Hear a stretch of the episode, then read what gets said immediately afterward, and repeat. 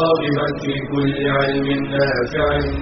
ينمو العلم ويتقدم بتقنياته ومجالاته ومعه نطور أدواتنا في تقديم العلم الشرعي. أكاديمية زاد.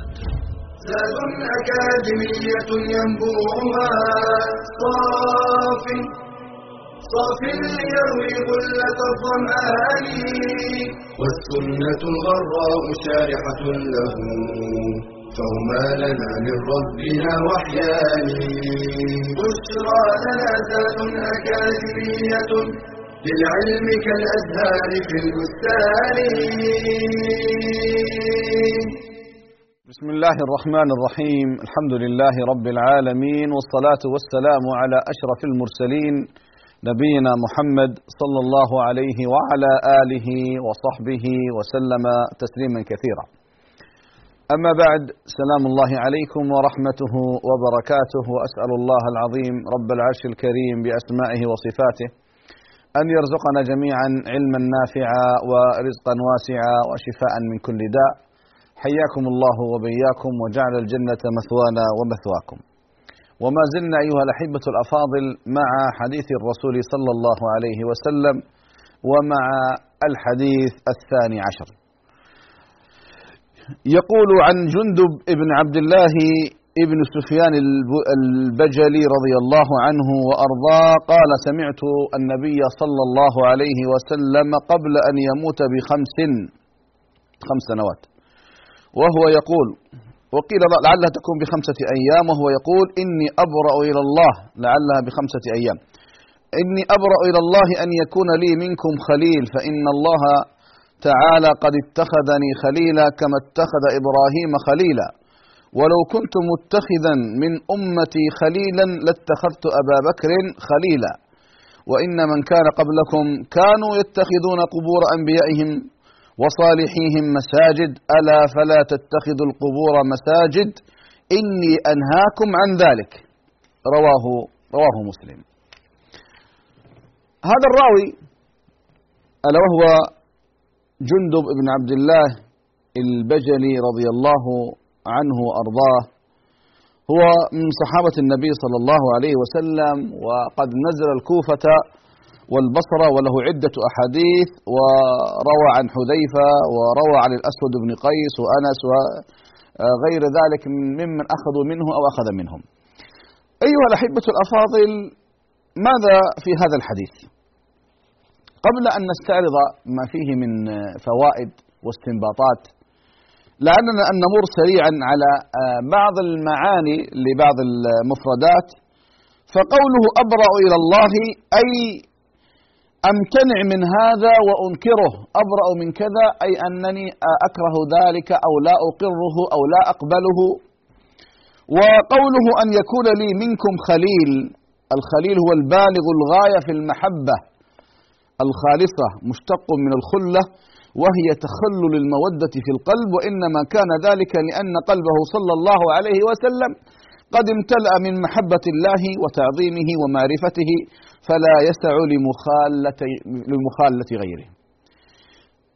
قوله فإن الله قد اتخذني خليلا فيه التصريح بأن الخلة أكمل وأرفع مرتبة من المحبة. وقوله يتخذون قبور أنبيائهم وصالحيهم مساجد فيتخذون من تلك القبور مساجد يصلون ويتوجهون إليها في دعائهم ورغباتهم وطلباتهم فلا تتخذوا القبور مساجد. إني أنهاكم عن ذلك. فلا تتخذوا القبور مساجد. إني أنهاكم عن ذلك. تأكيد للنهي الأول ها وتحذير من هذا المنهي عنه وهو اتخاذ القبور مساجد. حقيقة أيها الأحبة حينما نتفكر في هذا الحديث فعلا حرص النبي صلى الله عليه وسلم على حماية جناب التوحيد. مر معنا هذا الأمر في لقاءات سابقة وسيمر وسيتكرر. لماذا؟ لأن أعظم قضية في حياة الأمة في حياة البشرية في حياة الخلق التوحيد. التوحيد أيها الأحبة. ولذلك يجب على الدعاة والخطباء والأئمة أن يتصدوا لقضية إصلاح التوحيد في نفوس الناس في المجتمعات في البشرية وأن يحذروا الناس ويرهبوهم من الشرك والوقوع في الشرك. النبي صلى الله عليه وسلم من أول ما مبعثه الشريف إلى أن لقي الله عز وجل وهو يقرر قضية التوحيد ونبذ الشرك. ولذلك أيها الأحبة لنا في رسول الله أسوة حسنة. لقد كان لكم في رسول الله أسوة حسنة. فما يجد النبي صلى الله عليه وسلم فرصة إلا ويغتنمها في إرشاد الأمة إلى قضية التوحيد. أعظم قضية والذي لا إله إلا هو أعظم من كل قضايا الدنيا التي نعرفها. سواء الشهوات أو الأمور المعنوية. لا لا لا, لا كل هذا كلها لا تساوي شيء مع قضية التوحيد وإثباته والشرك ونفيه. ولقد بعثنا في كل أمة رسول أن اعبدوا الله واجتنبوا الطاغوت. من القضايا المهمة الآن نمشي مع الحديث. قال إني أبرأ إلى الله أن يكون لي منكم خليل. الله أكبر. النبي صلى الله عليه وسلم ما أحب أحد من البشرية مثله. والله وبالله وتالله ما أحب رجل من بني آدم مثل ما أحب رسول الله صلى الله عليه وسلم. يعني أحبه الله في عليائه أحبته الملائكة أحبه الجن أحبه الإنس أحبه الجماد أحبه النبات أحبه السحاب كل شيء أحبه صلى الله عليه وسلم. ومع ذلك يعني الصحابة لما ضربوا أروع الأمثلة في محبة رسول الله صلى الله عليه وسلم. يعني أيضا أقول لم يحب النبي صلى الله عليه وسلم أحد مثل مثل أبي بكر رضي الله عنه وأرضاه. أبدا. ما أحد من الصحابة أحب رسول الله صلى الله عليه وسلم مثل أبو بكر رضي الله عنه وأرضاه حينما أحب رسوله محمد صلى الله عليه وسلم. فداه بكل شيء بنفسه وماله وعرضه وكل شيء. تحمل من أجله الكثير. لا يعرف رسول الله صلى الله عليه وسلم إلا وصاحبه معه. حتى الله عز وجل لما ذكر في القرآن إذ يقول لصاحبه لا تحزن إن الله معنا. هذا الرجل أيضا كان له في قلب النبي صلى الله عليه وسلم مكانة عظيمة جدا جدا جدا. عمرو بن العاص يقول يا رسول الله من أحب الناس إليك؟ قال عائشة. قال من الرجال؟ قال أبوها. أبوها. ولذلك يقول صلى الله عليه وسلم وهو يثني على أبي بكر رضي الله عنه وأرضاه ما نفعني مال ما نفعني مال أبي بكر. ولما كثرت الأبواب في المسجد النبوي أمر النبي صلى الله عليه وسلم بقفل كل الأبواب إلا إلا باب أبي بكر رضي الله عنه وأرضاه. فكان معه في مكة. وكان هو من السابقين. يقول أول من أسلم من الرجال أبو بكر رضي الله عنه وأرضاه. وكان معه في مهاجره. وكان معه في المدينة. وكان صلى الله عليه وسلم في أغلب أحواله لا يمضي مكان إلا والصديق معه. أبعد هذا أبعد هذا ينتقص الصديق رضي الله عنه وأرضاه. أبعد هذه المكارم العظيمة إذ يقول لصاحبه لا تحزن إن الله معنا صاحبه. يأتي أناس ينتسبون للإسلام يتكلمون في أبي بكر يسبون أبا بكر ينالون من أبي بكر. أين الدين؟ أين القرآن والسنة؟ ولذلك لا ينتقد الصديق أو عمر رضي الله عنهما أو أحد من الصحابة إلا زنديق. خذوها من النهاية. نعم. صحبوا رسول الله صلى الله عليه وسلم وبعد ذلك ينال منهم؟ يوصفون بأنهم الجبت والطاغوت. يقال أنهما صنمي قريش. ألا لعنة الله على الظالمين. ولذلك حتى لا يظن الناس برسول الله صلى الله عليه وسلم أنه يمكن أن يتخذ خليلا من دون الله. ماذا قال؟ إني أبرأ إلى الله أن يكون لي منكم خليل. فإن الله تعالى قد اتخذني خليلا. كما اتخذ إبراهيم خليلا. لكن لا ينسى وقفات وقفات أبي بكر رضي الله عنه وأرضاه. ولو كنت متخذا من أمتي خليلا لاتخذت أبا بكر خليلا. وقف. لو كنت متخذ خليل من البشر لاتخذت أبا بكر. على ماذا يدل هذا أيها الأحبة؟ يدل هذا على مكانة مكانه هذا الرجل الذي يقول عنه صلى الله عليه وسلم لو وضع إيمان الأمة في كفة وإيمان أبي بكر في كفة لرجح إيمان أبي بكر. لرجح إيمان أبي بكر. وأخبر صلى الله عليه وسلم أن ما من أحد إلا وكان له تردد في قبول الإسلام إلا أبا بكر رضي الله عنه وأرضاه فإنه ما تردد لحظة. لذلك لما حدثت قصة الإسراء والمعراج وأخبر النبي صلى الله عليه وسلم قريشا أنه أسري به إلى بيت المقدس وعرج به إلى السماء ثم عاد. قالوا اليوم ننال من محمد عند صاحبه فذهبوا إلى أبي بكر. أسمعت ما يقول صاحبك؟ قال وما يقول؟ قالوا يزعم أنه أسري به إلى بيت المقدس. وعرج به إلى السماء وعاد في ليلة أتصدق هذا؟ قال هو قاله. قالوا نعم قاله. قال صدق. صدق. من مكة إلى بيت المقدس شهر بالإبل. ثم إلى السماء السابعة يعود في ليلة قال إن كان قاله فقد صدق. فنال لقب الصديق رضي الله عنه وأرضاه. بأبي هو وأمي رضي الله عنه وأرضاه. أحبتي في الله عندنا المحبة وعندنا الخلة. ما الفرق بين المحبة والخلة؟ المحبة من المراتب العامة لكن الخلة هي أعلى مراتب المحبة. الخلة. ولذلك نال إبراهيم الخليل أبو الأنبياء مرتبة الخلة. فإذا قيل من هو خليل الرحمن؟ قالوا إبراهيم الخليل عليه السلام. ونال موسى عليه السلام مرتبة الكلام. فإذا قيل من هو كريم الله؟ قيل موسى بن عمران. فجاء النبي صلى الله عليه وسلم وأخذ بالثنتين. فهو خليل الرحمن وهو كليم الرحمن. ما ظفر بها أحد قبله منذ أن من منذ أن خلقت الخلائق. وجاءنا في ذلك علم صادق. فرسولنا صلى الله عليه وسلم هو الخليل وهو الكليم نال هذين الشرفين معا عليه الصلاة والسلام. ولذلك أيضا نأخذ هنا ملحظ مهم جدا قضية حب الله سبحانه وتعالى.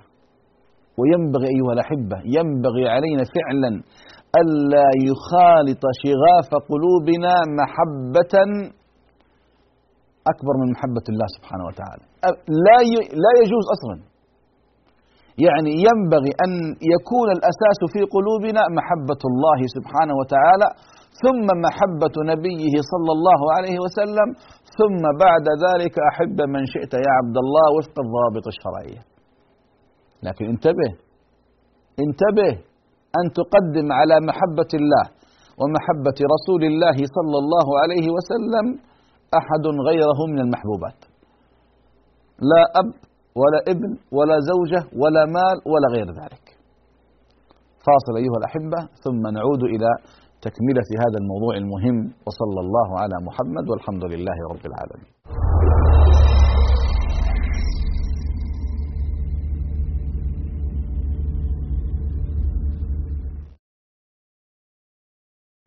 يحرص كثير من الآباء والأمهات على تعليم أبنائهم شتى العلوم، ويبذلون في ذلك الغالي والنفيس من أوقاتهم وأموالهم.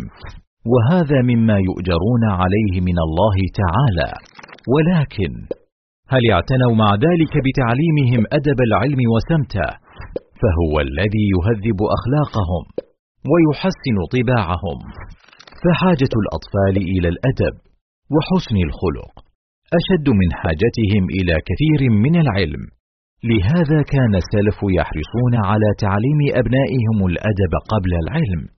قال سفيان الثوري كانوا لا يخرجون أبناءهم لطلب العلم حتى يتأدبوا.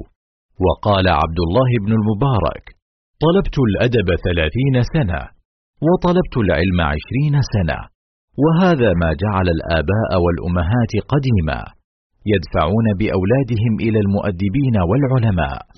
حتى يقتبسوا من أخلاقهم وآدابهم قبل علومهم. قال الإمام مالك بن أنس رحمه الله تعالى كانت أمي تعممني وتقول لي اذهب إلى ربيعة فتعلم من أدبه قبل علمه وذلك أن العلم لا ينتفع به إلا بطهارة القلب عن مساوئ الأخلاق ولعل هذا الأمر هو ما دفع العلماء إلى اشتراط أن يتتلمذ طالب العلم للعلماء لا للكتب فحسب وذلك حتى يتأكدوا من تخلقه بأخلاق العلماء وتحليه بأدبهم ويظهر عليه سمت العلم وأدبه ونوره. قال عبد الله بن وهب ما تعلمناه من أدب مالك أكثر مما تعلمناه من علمه.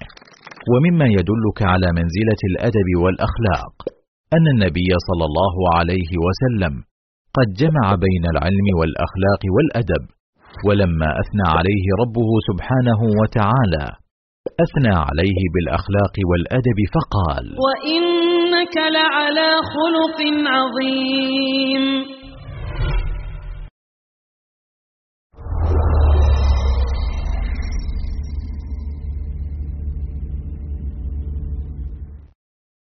بسم الله الرحمن الرحيم. الحمد لله رب العالمين والصلاة والسلام على أشرف المرسلين نبينا محمد صلى الله عليه وعلى آله وصحبه وسلم. وبعد. توقفنا أيها الأحبة على قضية المحبة. لا يجوز بأي حال من الأحوال أن نقدم أي محبوب على محبة الله ورسوله أبدا. ولذلك في الحديث الصحيح يقول صلى الله عليه وسلم ثلاث من كن فيه فقد وجد بهن حلاوة الإيمان. ثلاث صفات. أن يكون الله ورسوله أحب إليه مما سواهما. وأن يحب المرء لا يحبه إلا لله. وأن يكره أن يعود في الكفر بعد أن أنقذه الله منه كما يكره أن يقذف في النار. إذا أن يكون الله ورسوله أحب إليه مما سواهما. انتبه. لا تقدم أي محبوب على محبة الله ومحبة رسول الله صلى الله عليه وسلم. احذر احذر. أساس المحبة في قلوبنا أساس الخلة في قلوبنا أساس الحب الصادق محبة الله ثم محبة رسول الله صلى الله عليه وسلم. قل إن كان آباؤكم وأبناؤكم وإخوانكم وأزواجكم وعشيرتكم وأموال اقترفتموها وتجارة تخشون كسادها ومساكن ترضونها أحب إليكم من الله ورسوله وجهاد في سبيله فتربصوا حتى يأتي الله بأمره والله لا يهدي القوم الفاسقين. أحب إليكم من الله ورسوله. احذر يا عبد الله احذر يا أمة الله أن يكون هناك محبوب كائنا من كان مقدم على محبة الله ومحبة رسول الله صلى الله عليه وسلم. ولذلك النبي صلى الله عليه وسلم الذي هو قدوتنا وأسوتنا وضع لنا هذا أبرأ إلى الله أن يكون لي خيل منكم. إنما صاحبكم خيل الرحمن. ولذلك أيها الأحبة لا بد أن نحب الله حق المحبة. أن يكون أعظم محبوب في قلوبنا هو رب العالمين. قد يسأل سائل فيقول كيف أحقق هذه القضية؟ ما هذا واجب؟ نعم واجب. كيف أحققه؟ كيف نحقق أيها الأحبة قضية إيش؟ أن يكون الله عز وجل أعظم محبوب في قلبك ثم رسوله محمد صلى الله عليه وسلم. إذا أردنا ذلك أولا علينا أن نعرف الله عز وجل بأسمائه الحسنى وصفاته العلى. أن نتعرف على الله بأسمائه الحسنى وصفاته العلى. لماذا؟ لأن من كان بالله أعرف كان له أخوف. وإنما يخشى الله من عباده العلماء. أشد الناس خشية لله العلماء لأنهم يعرفون الله بأسمائه وصفاته وأفعاله وأقواله وما يليق به وما لا يليق به سبحانه. فبالتالي أيها الأحبة تريد أن يكون الله هو أحب شيء في حياتك وفي قلبك اعرف ربك. قد يسأل سائل يقول هل هناك مسلم ما يعرف ربه؟ أقول نعم كثير مع الأسف. كيف يكون هذا؟ محبة أو معرفة معرفة ناقصة. لا تليق بالله. بعض الناس تقول من هو الله؟ يعطيك معلومات ما تليق بالله سبحانه وتعالى. الله اللي خلقنا الله رب كل شيء الله اللي يحيي ويميت. ما عنده معلومات. ما يعرف أسماء الله كاملة ما يعرف صفات الله كاملة وكلما عرفنا الله كلما تعلقنا به وكلما أحببناه وكلما سارعنا إليه. ولذلك النبي صلى الله عليه وسلم يا أخواني حفز الأمة. إن لله تسعة وتسعين اسما مئة إلا واحدة من حفظها دخل الجنة من أحصاها دخل الجنة. لذلك أيها الأحبة إذا أردنا فعلا أردنا فعلا أن نصل إلى درجة المحبة الصادقة مع رب العالمين أن نعرف الله بأسمائه وصفاته. يقول ابن تيمية رحمه الله أصل التفاضل بين الناس في معرفة الله ومحبته. أصل التفاضل بين الناس في معرفة الله ومحبته. من عرف الله أحبه ومن أحبه أقبل عليه. ويقول غيره من ذاق طعم المعرفة ذاق طعم المحبة. لذلك أيها الأحبة إذا أردنا أن نصل إلى قضية الخلة قضية الحب الصادق قضية ألا يكون في قلبك أحد قبل رب العالمين اعرف ربك. اعرف ربك بأسمائه الحسنى. وصفاته العلى وما يليق به وما لا يليق به. ستجد نفسك أنك انسقت إليه. مهما مهما يعني تنوعت بك الحياة وتشتتت بك الحياة ستعود إلى ربك لأنه محبوبك الأول. ثم رسول الله صلى الله عليه وسلم. لا ننغر أيها الأحبة بالمحبات الأخرى هذه. انتبهوا. جاء جبريل للنبي صلى الله عليه وسلم قال يا محمد عش ما شئت فإنك ميت. واحبب من شئت فإنك مفارقه واعمل ما شئت فإنك مجزي به. قال إيش؟ أحبب من شئت فإنك مفارق. ثم قال واعلم أن شرف المؤمن قيام الليل وأن عزه استغناء عن, عن الناس. لكن قال إيش؟ قال واحبب من شئت فإنك مفارقه. مفارقه. طيب الشيء الذي إذا أحببته لن تفارقه أبدا؟ آه رب العالمين سبحانه. وتكون محبة محبة صادقة. محبة اتباع ليست محبة ابتداع. محبة علم ليست محبة جهل. ترى كثير من الناس يحبون الله عز وجل. بل كل الناس يحبون الله. لكن لا يعرفون كيف يصلون إلى الله سبحانه وتعالى. تصل إليه عن طريق القرآن والسنة. إذا النبي صلى الله عليه وسلم ضرب لنا أروع الأمثلة. ولذلك الله سبحانه وتعالى لما صدق نبيه صلى الله عليه وسلم في محبته سورة في القرآن اسمها سورة محمد. الخطاب في القرآن ما أكثره عن النبي صلى الله عليه وسلم. كم مدح الله عز وجل نبيه كم مدحه في القرآن؟ كثير. والضحى والليل إذا سجى ما ودعك ربك وما قلى. وللآخرة خير لك من الأولى ولسوف يعطيك ربك فترضى. ألم نشرح لك صدرك ووضعنا عنك وزرك الذي أنقض ظهرك ورفعنا لك ذكرك. إنا أعطيناك الكوثر فصل لربك وانحر. نجد آيات كثيرة جدا في القرآن الكريم. ثناء من الله عز وجل لرسوله صلى الله عليه وسلم. وإنك لعلى خلق عظيم. شهادة عظيمة من رب العالمين. ولذلك أحبتي في الله يعني هذا المقطع من الحديث الأول. إني أبرأ إلى الله أن يكون لي منكم خليل. فإن الله قد اتخذني خليلا كما اتخذ إبراهيم خليلا. لو كنت متخذا من أمتي خليل لاتخذت أبا بكر. إذا هنا قضية أولا إثبات المحبة العظيمة الخلة للنبي صلى الله عليه وسلم وكذلك إثبات المقام العالي العظيم جدا لهذا الرجل أبو بكر رضي الله عنه وأرضاه في نفس النبي صلى الله عليه وسلم. لذلك لما مرض النبي صلى الله عليه وسلم في مرض موته ماذا كان يقول لأمهات المؤمنين؟ مروا أبا بكر فليصلي بالناس. مروا أبا بكر فليصلي بالناس. فلما صلى غيره غضب مروا أبا بكر فليصلي بالناس. وكم وكم شهد له النبي صلى الله عليه وسلم بالجنة بالجنة. يعني إخواني هذا رجل هو الرجل الأول بعد النبي صلى الله عليه وسلم في, في هذه الأمة. وهو أول العشر المبشرين بالجنة. مناقبه كثيرة رضي الله عنه وأرضاه. القضية الثانية أيها الأحبة قضية معرفة الله سبحانه وتعالى ومحبته وأن يمتلي هذا القلب بمعرفة الله المعرفة اللائقة به. لا بد أيها الأحبة لا بد أن نتعب أنفسنا وأن نجهد أنفسنا في قضية تأسيس معرفة الله عز وجل في قلوبنا. يا إخواني أعظم أعظم أعظم شيء في حياتنا. ربنا إلهنا من نعبده صباحا ومساء وفي كل حال الذي نل... الذي نجأر إليه بدعائنا وننطرح على أعتاب عبوديته وننكسر له ونفتقر إليه وندعوه ونتذلل إليه ونحبه. مشكلة. مشكلة كبيرة جدا أن يكون مسلم ما يعرف الله حق المعرفة.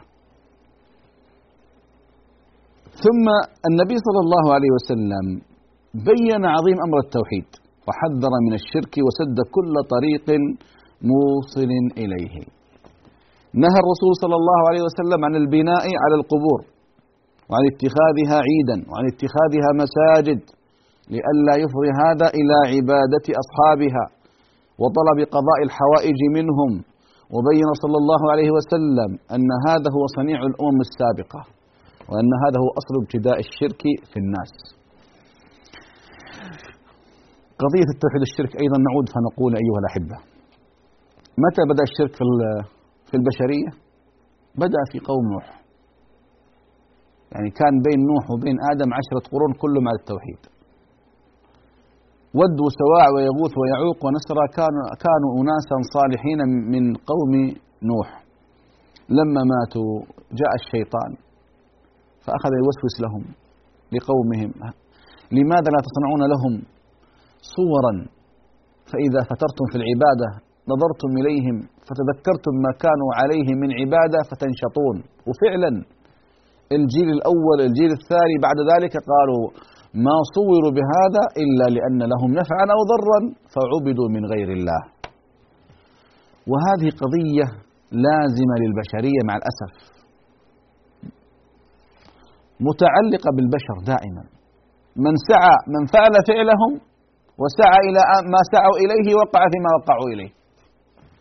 ولذلك نهى النبي صلى الله عليه وسلم عن هذه القضية قضية اتخاذ القبور مساجد. لئلا يقع فينا ما وقع في اليهود والنصارى ومن قبلهم. والآن الذي ينظر إلى واقع الأمة الإسلامية الآن والله شيء مؤلم. القبور والأضرحة والمزارات منتشرة في العالم الإسلامي بشكل مخيف. ماذا بيننا وبين الله أيها الأحبة؟ بيننا وبين الله الإيمان والعمل الصالح. والله ما بيننا وبينه نسب. ولا سبب إلا الإيمان والعمل الصالح. ولذلك إذا وقعنا فيما وقع فيه غيرنا جاء جاءنا ما جاء غيرنا. هي معادلة واحدة. هي سنة من سنن الله سبحانه وتعالى. فلا يظن أحد أنني عشان أنا عربي أو أنا كذا أو أدعي الإسلام أو أني كذا لن يأتي لا لا لا أبدا. سلط الله سبحانه وتعالى على العالم الإسلامي في زمن الدولة العباسية. هولاك والتتار عام 656 حينما انتشرت الأضرحة والقبور والمزارات والشركيات فسلط الله عليهم هولاك ومن معه. فأبادوهم في يوم واحد قتلوا حوالي 2 مليون في بغداد. جأر الناس إلى الأضرحة والقبور يستغيثون بها فدخلوا عليهم وقتلوهم فوق أضرحتهم. كارثة. كذلك في زمن الدولة العثمانية. ما سقطت الدولة العثمانية إلا لما انتظرت الطرق الصوفية والخرافية والأضرحة والقبور والمزارات. ففتتت وتقسمها أعداؤها. وحدث الذي حدث لا يخفى عليكم. إذا إن الله يمهل ولا يهمل أيها الأحبة. فاصل إن شاء الله ثم نعود إليكم بعد الفاصل.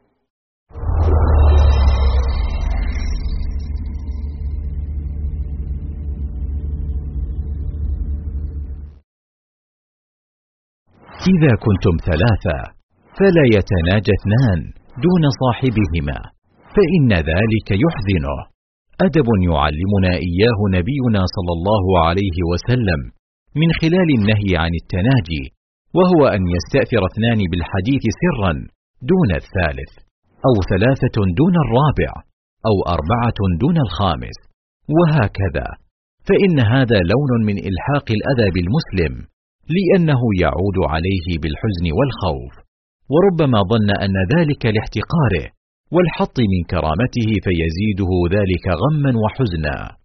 لذا حرم الإسلام التناجي كما قال تعالى ألم تر إلى الذين نهوا عن النجوى ثم يعودون لما نهوا عنه ويتناجون بالإثم والعدوان؟ ومن صور التناجي المحرمة أن يتكلم اثنان بلغة مختلفة لا يفهمها الثالث أو أن يكتب أحدهما للآخر في ورقة. والثالث جالس ولا يمكنه الاطلاع على ما كتب. قال النووي رحمه الله. وفي معناه أي معنى التناجي ما إذا تحدث بلسان لا يفهمه لأن العلة موجودة. فإذا كان الحديث دائرا بين اثنين بداية ثم أتى ثالث وأراد أن يدخل بينهما فإن ذلك لا يجوز إلا بإذنهما. لقول النبي صلى الله عليه وسلم إذا كان اثنان يتناجيان فلا تدخل بينهما. واعلم أنه إن دعت الضرورة إلى التناجي فإنه يكون مباحا بشرطين.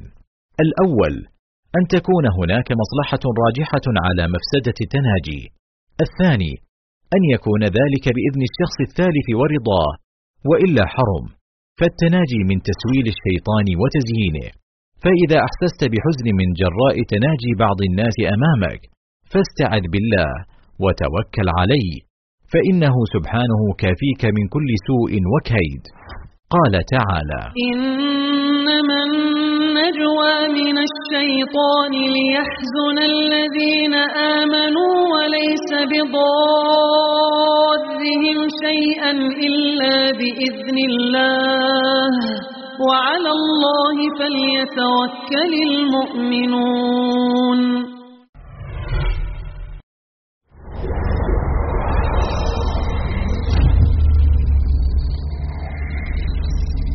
قناة زاد العلمية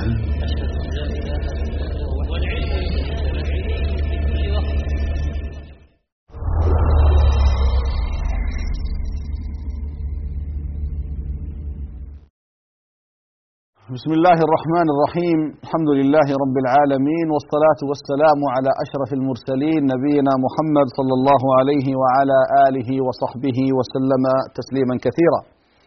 أما بعد سلام الله عليكم ورحمته وبركاته. آه، أيها الأحبة الأفاضل ما زلنا مع هذا الحديث العظيم. تكلمت أيها الأحبة قبل الفاصل عن قضية خطورة الشرك على البشرية وأن الدولة الإسلامية مرت بمرحلتين سواء في الدولة العباسية أو في الدولة العثمانية الخلافة العثمانية. وما دمر دمرت هاتان الدولتان إلا بسبب انتشار الشرك. انتشار الشرك لأن التوحيد أمان.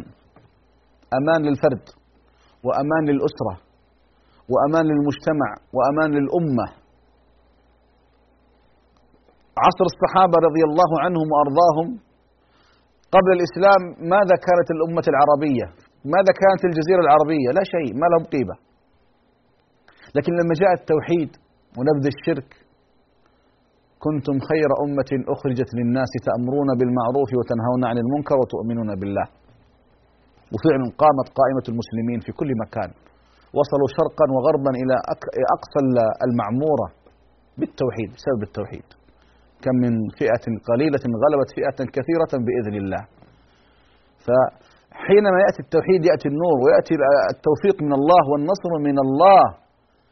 لكن إذا جاء الشرك إذا جاء الفساد إذا جاءت المعاصي الله عز وجل أوكلنا إلى ما عندنا. وإذا أوكلنا إلى ما عندنا ضعنا لأن أعداءنا دائما هم أقوى منا. فالمسلمون ينتصرون بدينهم وعقيدتهم قبل سلاحهم. سلاحهم مطلوب لكن ال ال ال الذي يطلب أكثر عقيدتهم ودينهم. عقيدتهم ودينهم. ولذلك لما تقرأ التاريخ الإسلامي لما كان الجيش المسلمين عشرين ألف ثلاثين ألف يواجه مئتين ثلاثمائة ألف. لمن الغلبة؟ أبو عشرين ألف وثلاثين ألف. لماذا؟ لأنهم أمة الإسلام أمة لا إله إلا الله أمة التوحيد. فأقول أيها الأحبة النبي صلى الله عليه وسلم سد كل طريق يفضي إلى الشرك. صغيرا كان أو كبيرا. ما كان يتركه صلى الله عليه وسلم. يأتي أحد الصحابة يقول ما شاء الله وشئت يا رسول الله فيغضب. أجعلتني لله ندا؟ ولذلك كل طريق مفض إلى الشرك سده صلى الله صلى الله عليه وسلم. ومن ذلك أيها الأحبة ها قضية إيش؟ قضية بناء القبور بناء المساجد على القبور. ولذلك أيها الأحبة خذوها كذا حكم شرعي. حكم شرعي ما فيه خلاف إلا عند أهل البدع. ما هو الحكم الشرعي؟ لا تجوز الصلاة في أي مسجد فيه قبر فالصلاة باطلة. أي مسجد فيه قبر فالصلاة فيه باطلة. طيب سيورد بعض الناس إيراد. يقول لي طيب يا أخي المسجد النبوي أليس فيه قبر النبي صلى الله عليه وسلم؟ أقول نعم لكن ما الفرق بين هذا وغيره؟ الفرق ما يلي. أن قبر النبي صلى الله عليه وسلم أصلا لم يكن في المسجد. كان خارج المسجد. لكن لما وسع في أول الدولة الأموية بدأ يوسع يوسع يوسع فحتى التصق بالمسجد. إذا الأصل أن القبر في المسجد ولا خارج المسجد؟ لا القبر خارج المسجد. هذا الأمر الأول. الأمر الثاني النبي صلى الله عليه وسلم يختلف عن باقي البشر. فإن الأنبياء يقبرون في أماكن موتهم. فهل يجوز لنا بأي حال من الأحوال أن ننبش قبر النبي صلى الله عليه وسلم ونخرجه خارج المسجد؟ لا يجوز. هذا رسول الله صلى الله عليه وسلم.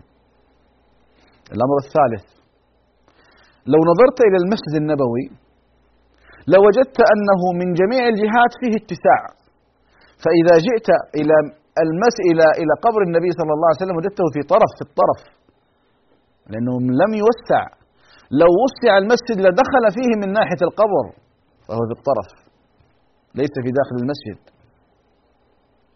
وكما قلت لكم قبر رسول الله صلى الله عليه وسلم له خاصية. طيب هل يعبد رسول الله من دون الله؟ لا. هل يدعى من دون الله؟ لا. صح وجد من يفعل ذلك لكن هذا لا يجوز. والنبي صاحب هذا القبر حذر البشرية والأمة من هذا الفعل. ألا وإن من كان قبلكم كانوا يتخذون قبور أنبيائهم وصالحيهم مساجد. ها؟ ألا فلا تتخذوا القبور مساجد فإني أنهاكم عن ذلك. إذا إدخال القبر النبي صلى الله عليه وسلم في طرف المسجد هو كان من باب التوسعة ولم يوضع قصدا ولا أولا. ولذلك ما قلت لكم رسول الله صلى الله عليه وسلم له مزية. تنظر الآن قبر النبي محاط بثلاثة جدران أو أربع جدران تفتح خارج المسجد. مقفل من جميع الجهات. لماذا حتى؟ حتى لا الناس يقعون فيما نهى عنه النبي صلى الله عليه وسلم.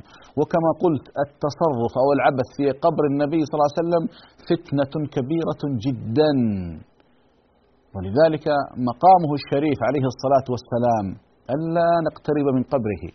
ولذلك دائما تجدون عند عند القبر آه، رجال هيئة الأمر المعروف والنهي عن المنكر وفقهم الله يعني ينهون الناس عن استقباله بالدعاء والتمسح به وكذا لأن الناس جهلة. فنقول أيها الأحبة هذا قبر النبي صلى الله عليه وسلم. لكن تعالوا بنا العالم الإسلامي. كم فيه من القبور. مع الأسف لو قلت لكم آلاف شيء شيء شيء مؤلم. شيء مؤلم. لا تكاد تخلو دولة عربية أو إسلامية من قضية القبور. لماذا؟ الشيطان. الشيطان والجهل. مع الأسف. القبور والأضرحة والمزارات يدعون من دون الله ينذر لهم يطاف بقبورهم. لا طب أين الله؟ أين الله؟ أين الله؟ نترك رب ربنا سبحانه وتعالى الذي يقول وقال ربكم ادعوني يستجب لكم ويقول وإذا سألك عبادي عني فإني قريب. ثم نذهب إلى القبور والأضرحة. مع الأسف مع الأسف. العالم الإسلامي من شرقه إلى غربه. من شرقه إلى غربه. مليء بالأضرحة.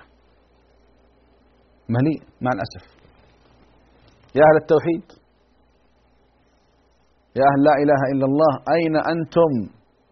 ولذلك قلت وأقول أيها الأحبة أعظم ما يعبد به الله عز وجل التوحيد وأعظم ما يعصى به الله عز وجل الشرك. ولقد أوحي إليك وإلى الذين من قبلك لئن أشركت ليحبطن عملك ولتكونن من الخاسرين بل الله فاعبد وكن من الشاكرين. هذا هو رسولنا صلى الله عليه وسلم يوجه الله إليه هذا الخطاب فكيف بنا نحن؟ ولقد بعثنا في كل أمة رسولا أن اعبدوا الله واجتنبوا الطاغوت. إنه من يشرك بالله فقد حرم الله عليه الجنة ومأواه النار وما للظالمين من أنصار. أين هذه النصوص؟ إن الله لا يغفر أن يشرك به ويغفر ما دون ذلك لمن يشاء ومن يشرك بالله فقد افترى إثما عظيما. لذلك معاشر الدعاة العلماء طلبة العلم تحركوا في المجتمعات تحركوا في المساجد تحركوا في القنوات أيقظوا الناس من غفلاتهم أيقظوا الناس من أسباب البلاء فإن البلاء ينزل عند الشرك والعياذ بالله وإن النجاة تكون عند التوحيد. ولذلك أحبتي في الله جاء رجل النبي صلى الله عليه وسلم قال يا رسول الله ما الموجبتان؟ قال من مات وهو لا يشرك بالله شيئا. لا يشرك بالله شيئا. وجبت له الجنة. ومن مات وهو يشرك بالله شيئا وجبت له النار. إذا هذا الفعل لا يجوز. لا يجوز أبدا اتخاذ القبور أو المساجد المساجد اتخاذها قبور أو القبور مساجد. لا يجوز أبدا. والصلاة فيها باطلة. ومن صلى في مسجد فيه قبر فصلاته باطلة. خذ من الأخير. والمدن والقرى التي تعج فيها مثل هذه على طلبة العلم وعلى المشايخ والدعاء أن ينتبهوا وأن يوعوا الناس بخطورة الأضرحة والقبور والصلاة في مثل هذه الأماكن. يقول ابن القيم رحمه الله يجب هدم القباب التي بنيت على القبور لأنها أسست على معصية الرسول صلى الله عليه وسلم. وقبل ذلك يقول شيخ الإسلام رحمه الله أما بناء المساجد على القبور فقد صرح عامة الطوائف بالنهي عنه متابعة للأحاديث الصحيحة. إذا هذه كارثة كارثة كارثة ونحذر منها ونحذر منها أيها الأحبة. إذا نحن دورنا كدعاة كخطباء كمشايخ كطلبة علم أن نتصدى حتى في دروسنا. يعني بعض الناس ربما آه، في دروسه في كلماته يتكلم عن الرقائق والإيمانيات والفقه. يا أخي تكلم عن الفقه الأكبر تكلم عن التوحيد تكلم عن الشرك. بين التوحيد للناس ليعملوا به وبين الشرك للناس ليحذروه. هكذا صلى الله عليه وسلم ما ترك طريقا يمكن أن يصل أو يوصل إلى الشرك إلا حذر الأمة منه حتى في سكرات الموت. لا تطروني كما أطرت النصارى عيسى بن مريم إنما أنا عبد فقولوا عبد الله ورسوله. يحذر أمته من الغلو ومن الوقوع في الشرك. وهذا أيضا الحديث كذلك. يحذر النبي صلى الله عليه وسلم هذه الأمة أن تقع في مثل هذه الأمور التي نهى عنها الحديث آه، كما أخبر صلى الله عليه وسلم. اذا هذا الحديث أيها الأحبة اشتمل على أمور مهمة لابد أن نعيها. الأمر الأول أن النبي صلى الله عليه وسلم خير الرحمن. واكتسب كذلك صفة كريم الرحمن من قصة الإسراء والمعراج. فهو خليل الرحمن وهو كليم الرحمن. ولذلك الخلة كما قلت ها هي أعظم أعظم مراتب المحبة. أعظم مراتب المحبة هي الخلة. ومن أراد الاستزادة فليرجع إلى ابن القيم رحمه الله آه، في كثير من كتبه تكلم عن مراتب المحبة. القضية الثانية المهمة جدا وكما قلت لكم هذه الخلة لا نصل إليها إلا بقضية إيش؟ أن نعرف الله حق المعرفة. وأن نعظمه حق التعظيم فمن عرف الله أحبه ومن أحبه أقبل عليه ومن أقبل عليه عاش عاش حياة عظيمة. كما قال ابن تيمية إن في الدنيا جنة من لم يدخلها لم يدخل جنة الآخرة. إذا هذه قضية مهمة جدا أيها الأحبة الأفاضل. القضية الثانية قضية أبو بكر رضي الله قضية أبي بكر رضي الله عنه وأرضاه. الصحابي الجليل أعظم رجل في الأمة. بعد النبي صلى الله عليه وسلم وهنا النبي يبين مقامه ومكانته. لو كنت متخذا منكم خيرا لاتخذت أبا بكر. فهو أحق من من يكون خليلا للرسول صلى الله عليه وسلم. يعني منذ أن بعث صلى الله عليه وسلم إلى أن مات وهو مرافق له ما تركه ما تركه. وكم أثنى عليه صلى الله عليه وسلم. وكم بشره بالجنة. وكم وكم وكم هو وأصحابه ولذلك أيها الأحبة صحابة النبي صلى الله عليه وسلم خط أحمر سواء كان الصديق أو الفاروق أو ذي النورين أو علي بن أبي طالب رضي الله عنه أو بقية الصحابة لا يجوز المساس بعرضهم أو المساس بهم أبدا. انتبهوا من وقع فيهم فهو قد ارتكب بأبا إما يودي به إلى الكفر والزندقة والعياذ بالله أو من كبائر الذنوب. فكيف إذا كان عرض رسولنا صلى الله عليه وسلم عائشة رضي الله عنها وحفصة رضي الله عنها فمن وقع في هاتين المرأتين كفر خرج من الدين بالكلية. القضية الثالثة أيها الأحبة قضية قضية أن نحذر من الشرك وأن نحذر من وسائل الشرك وأن أن ندعو إلى التوحيد وأن نعلم الناس دينهم وأن نعلم الناس عقيدتهم. وهذه قضية لازمة لكل الدعاء ولكل المشايخ ولكل طلبة العلم. نكتفي بهذا وأسأل الله سبحانه وتعالى بأسمائه وصفاته أن يرزقنا جميعا علما نافعا ورزقا واسعا وشفاء من كل داء. وصلى الله على محمد وعلى آله وصحبه وسلم والحمد لله رب العالمين. يا راغبا في كل علم نافع متطلعا لزيادة الإيمان. وتريد سهلا النوال ميسرا يأتيك ميسورا بأي مكان. زاد زاد أكاديمية ينبوعها. صاف صاف ليروي غلة الظمآن. والسنة الغراء شارحة له. فهما لنا من ربنا وحيان بشرى لنا ذات أكاديمية للعلم كالأزهار في البستان.